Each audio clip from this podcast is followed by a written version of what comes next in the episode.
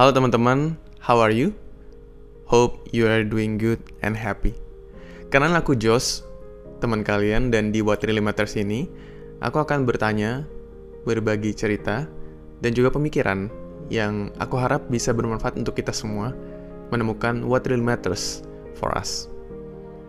So before we start, let's take a deep breath, calm your mind, and let's get started. Teman-teman, pernah nggak kita bertanya-tanya, apakah hidup yang kita jalanin ini ada yang spesial nggak sih? Kayaknya kok gitu-gitu aja. Atau sepertinya kenangan-kenangan di masa lalu itu lebih indah daripada hari ini. Atau mungkin masa depan itu menjadi semangat yang membuat kita ingin terus maju. Tapi ternyata capek juga sih kalau kita mikirin yang di depan terus. Sebelum aku mulai, aku pengen bercerita sebuah cerita sederhana dari kehidupanku yang aku harap cerita ini juga bisa menjadi ilustrasi yang membawa kita masuk ke dalam tema kita pada hari ini, yaitu The Three Worlds. Teman-teman, apakah teman-teman semuanya pernah berlibur? Aku yakin pasti pernah kita pernah berlibur ke tempat yang baru, atau kita berlibur ke tempat yang sudah pernah kita kunjungi. Liburan itu satu hal yang menyenangkan, karena ketika kita berlibur, kita sudah membayangkan tempat yang ingin kita kunjungi, dan kita pengen nantinya melakukan aktivitas-aktivitas di tempat tersebut. Biasanya sebelum berangkat, kita pasti merencanakan dulu nih. Kira-kira nanti ketika kita udah sampai di sana, nanti mau melakukan aktivitas apa aja, mau makan apa, dan berapa lama kita akan di sana, kita akan menginap di mana. Pada satu waktu, aku berkesempatan untuk bisa berlibur ke negeri Sakura atau ke Jepang. Ini adalah satu uh, momen yang spesial buat aku karena nah, negeri Jepang itu adalah uh, tempat yang aku sangat sukain dari kecil. Jadi aku pengen banget sih untuk bisa ke sana. Jadi sebelum ke Jepang, aku tiga bulan sebelumnya udah mempersiapkan dulu nih, bareng bersama dengan keluarga. Kita rencana nanti mau ngapain aja di situ. Uh, semua perencanaan udah kita siapin sampai tibalah di hari H untuk kita bisa bersiap-siap berangkat ke Jepang. Sebelumnya kita dari Jakarta transit dulu ke Singapura, baru setelah itu kita sampai ke Jepangnya. Kita nyampe ke Tokyo dulu pertama.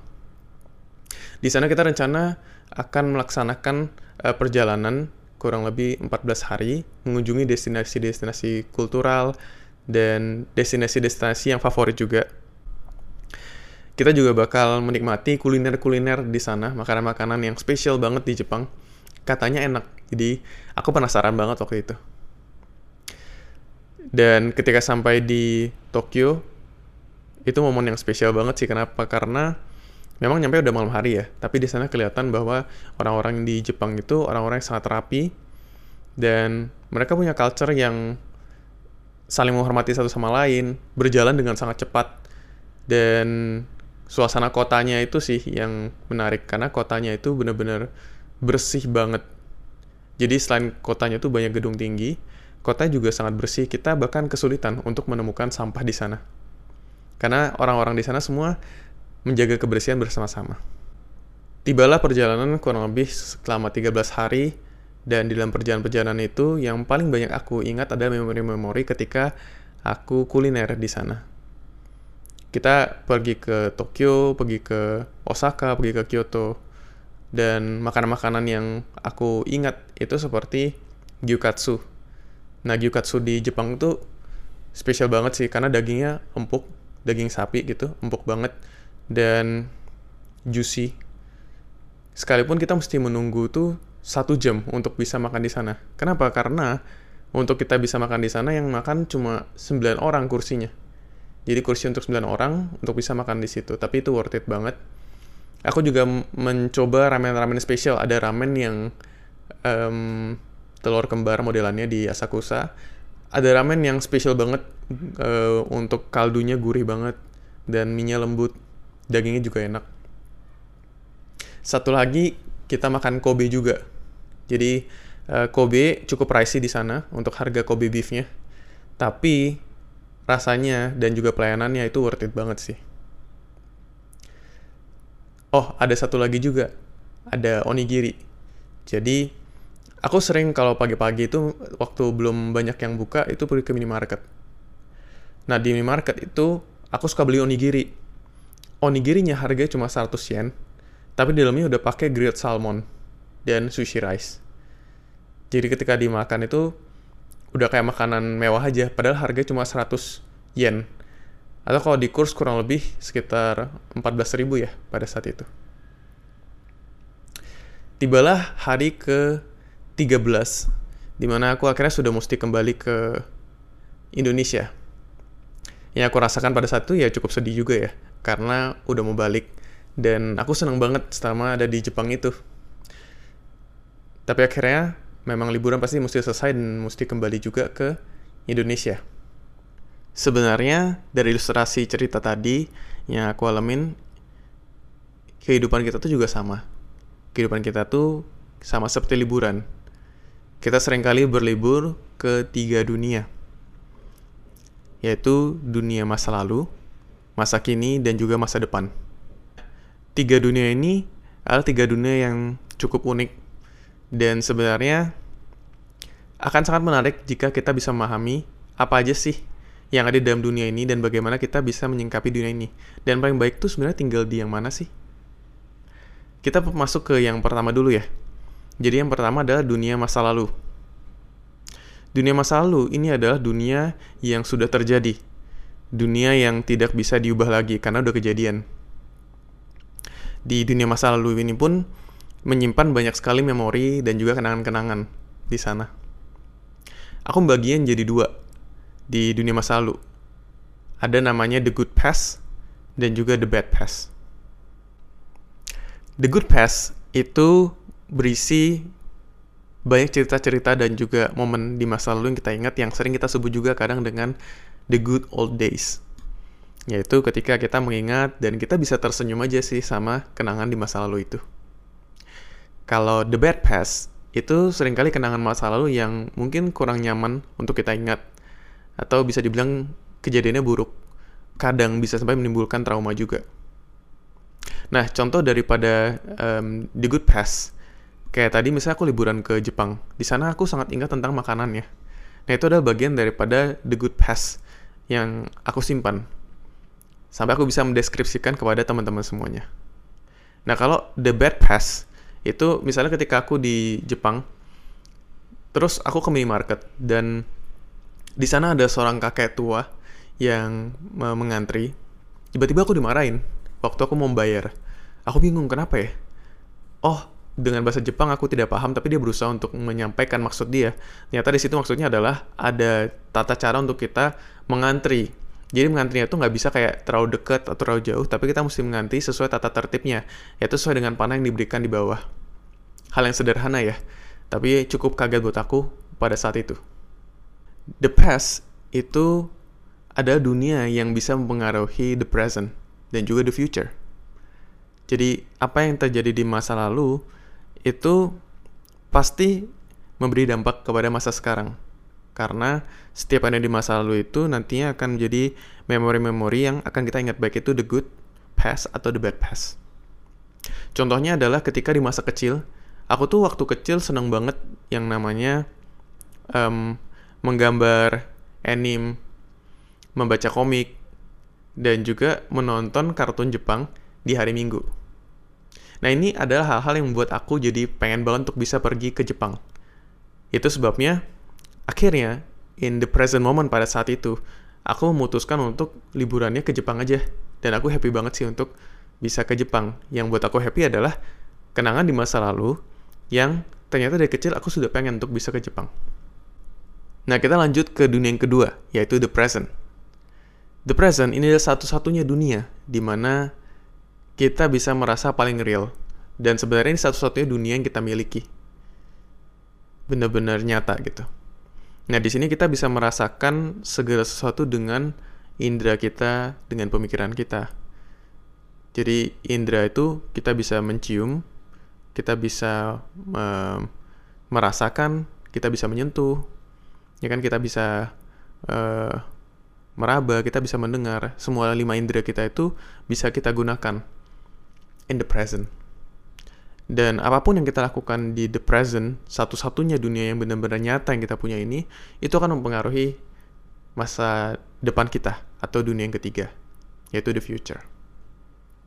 Contohnya, uh, dari the present tadi, aku kan memilih untuk merencanakan ke Jepang.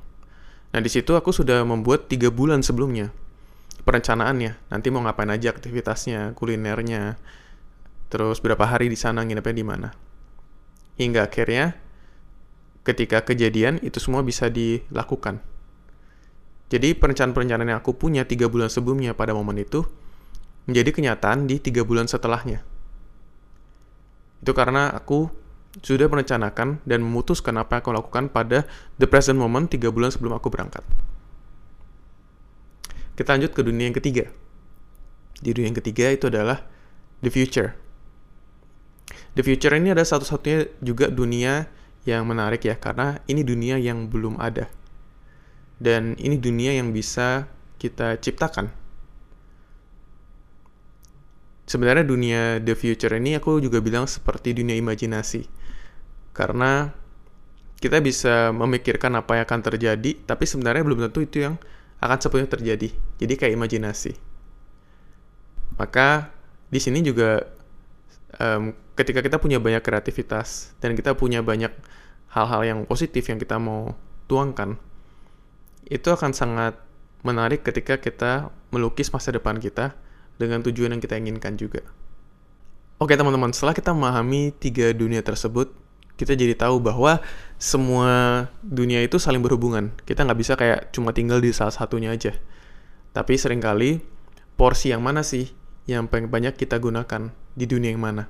Sering gak sih teman-teman ketika kita lagi dengar podcast, terus tiba-tiba kita kepikiran nih sama mantan yang belum bisa kita lupain, atau kita kepikiran momen di masa kecil, atau kita tiba-tiba kepikiran nanti malam kita mau makan apa ya? Nanti malam kita mau nonton apa ya? Macam-macam sih yang bisa kita pikirin ketika kita lagi melakukan aktivitas pada momen saat ini. Dari antara tiga dunia itu sebenarnya yang paling sering dilakukan itu adalah kita berpergian ke masa lalu dan juga masa depan. Kita agak sulit untuk menaruh atensi atau fokus kita ke masa kini. Kenapa? Karena di masa lalu itu sepertinya menyenangkan, kita udah punya gambaran karena kita udah melewatinya.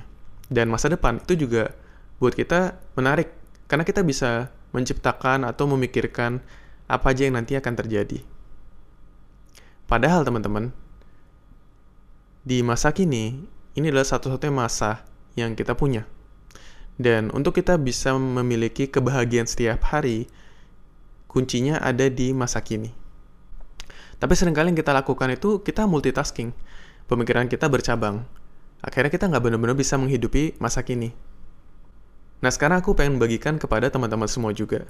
Gimana caranya kita bisa menemukan kebahagiaan setiap hari dan benar-benar menghidupi masa kini.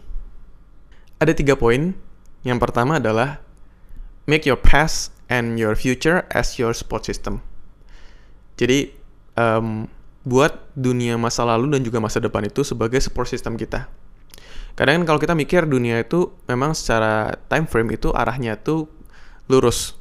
Jadi dari masa lalu, masa kini, dan juga masa depan. Tapi kita sekarang jadi paham bahwa satu-satunya masa yang kita benar-benar punya yang paling real itu adalah masa kini. Nah, apa yang perlu kita lakukan kepada dua masa yang lain? Kita jadikan mereka sebagai support systemnya. Untuk masa kita di masa kini itu bisa menjadi semakin optimal. Contoh ya, kita kan kalau di masa lalu itu sering memikirkan tadi ada namanya the good past atau the bad past. Nah, akhirnya kita juga jadi membandingkan ke masa kini. Kita ngeliat dengan ada the good past, kita mikir nih, wah enak ya masa lalu tuh seperti ini kalau dibanding sama masa sekarang. Nah, coba pemikirannya kita sedikit ngubah. Jadi instead of kita bilang kayak di masa lalu tuh lebih enak daripada masa sekarang. Tapi gimana cara kita bisa membuat masa sekarang itu belajar dari pengalaman-pengalaman kita di masa lalu.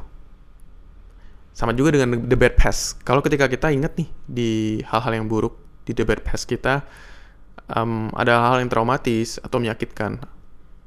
Kita bisa gunakan itu sebagai pembelajaran untuk kita bisa hidup lebih baik di masa kini.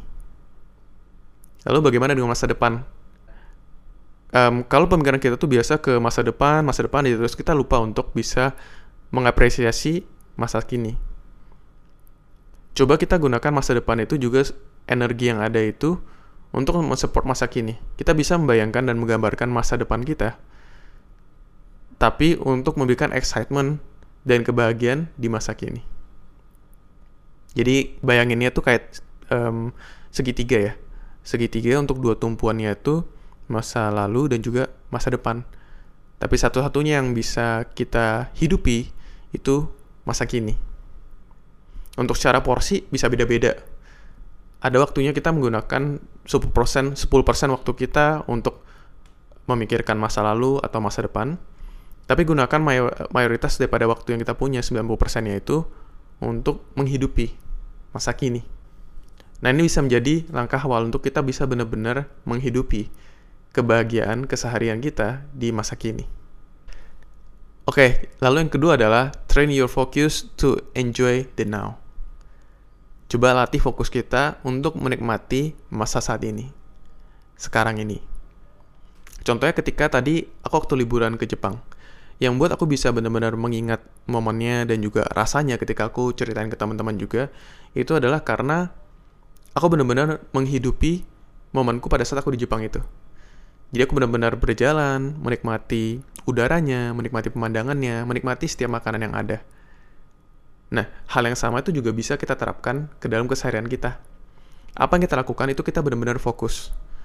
Ketika kita saat ini lagi berjalan di jalan atau bersantai di rumah, kita lagi bekerja, kita lagi makan, kita lagi tidur, kita juga bisa benar-benar fokus dan menikmati momen-momen yang kita lakukan itu. Sehingga hari kita tuh bakal jadi beda banget. Nggak kayak hari-hari yang biasanya. Dan tiap hari kita bisa memiliki kebahagiaan sederhana dari aktivitas-aktivitas kita yang kita punya. Lalu poin yang ketiga adalah capture the moment. Tadi kita di poin pertama udah belajar untuk menjadikan um, masa lalu dan juga masa depan sebagai support system di masa kini. Dan di poin kedua kita belajar untuk fokus ke masa kini. Nah, untuk di poin yang ketiga, kita belajar untuk capture the moment. Untuk di, bisa menjadi cerita dan juga sebuah story yang kita kenang dari kehidupan kita. Karena setiap cerita dalam kehidupan kita tuh unik, nggak ada yang sama. Anggapannya buat aku, cerita ke Jepang tadi itu hal yang menyenangkan.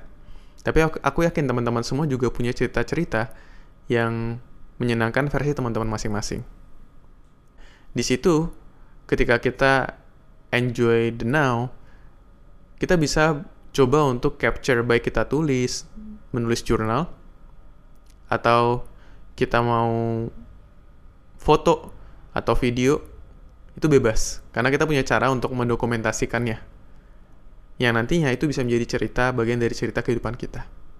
Nah, di capture the moment ini kita juga bisa mengaplikasikannya ke pemandangan kita pada masa depan. Jadi, apa yang kita bayangkan untuk di masa depan itu kita gambarkan, kita imajinasikan, yang nanti itu juga jadi cerita yang bisa kita bagikan ketika itu jadi kenyataan. Anggapannya nih, ketika tadi aku cerita ke teman-teman kan, um, aku sempat dari kecil tuh udah senang Jepang dan pengen liburan ke Jepang. Akhirnya aku benar-benar bisa sampai liburan ke Jepang momen ketika aku memutuskan liburan ke Jepang pun itu adalah dari pemikiranku yang di masa lalu itu untuk masa depanku. Jadi korelasi daripada tiga dunia ini ketika kita bisa sinergikan itu bisa membuat hidup kita juga jadi hidup yang lebih maksimal dan juga lebih optimal. Oke teman-teman, semoga sharing singkat ini tentang tiga dunia The Three Worlds bisa menambah perspektif baru untuk teman-teman, menemukan what really matters buat teman-teman. Aku juga berharap teman-teman menemukan kebahagiaan dari keseharian teman-teman lewat masa lalu, masa kini, dan juga masa depan.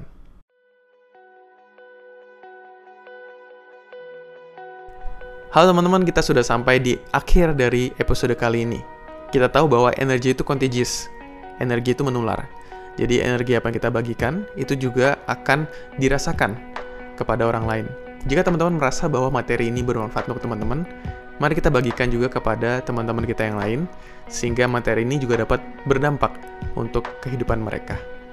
So, aku Josh, see you on the next episode of What Really Matters.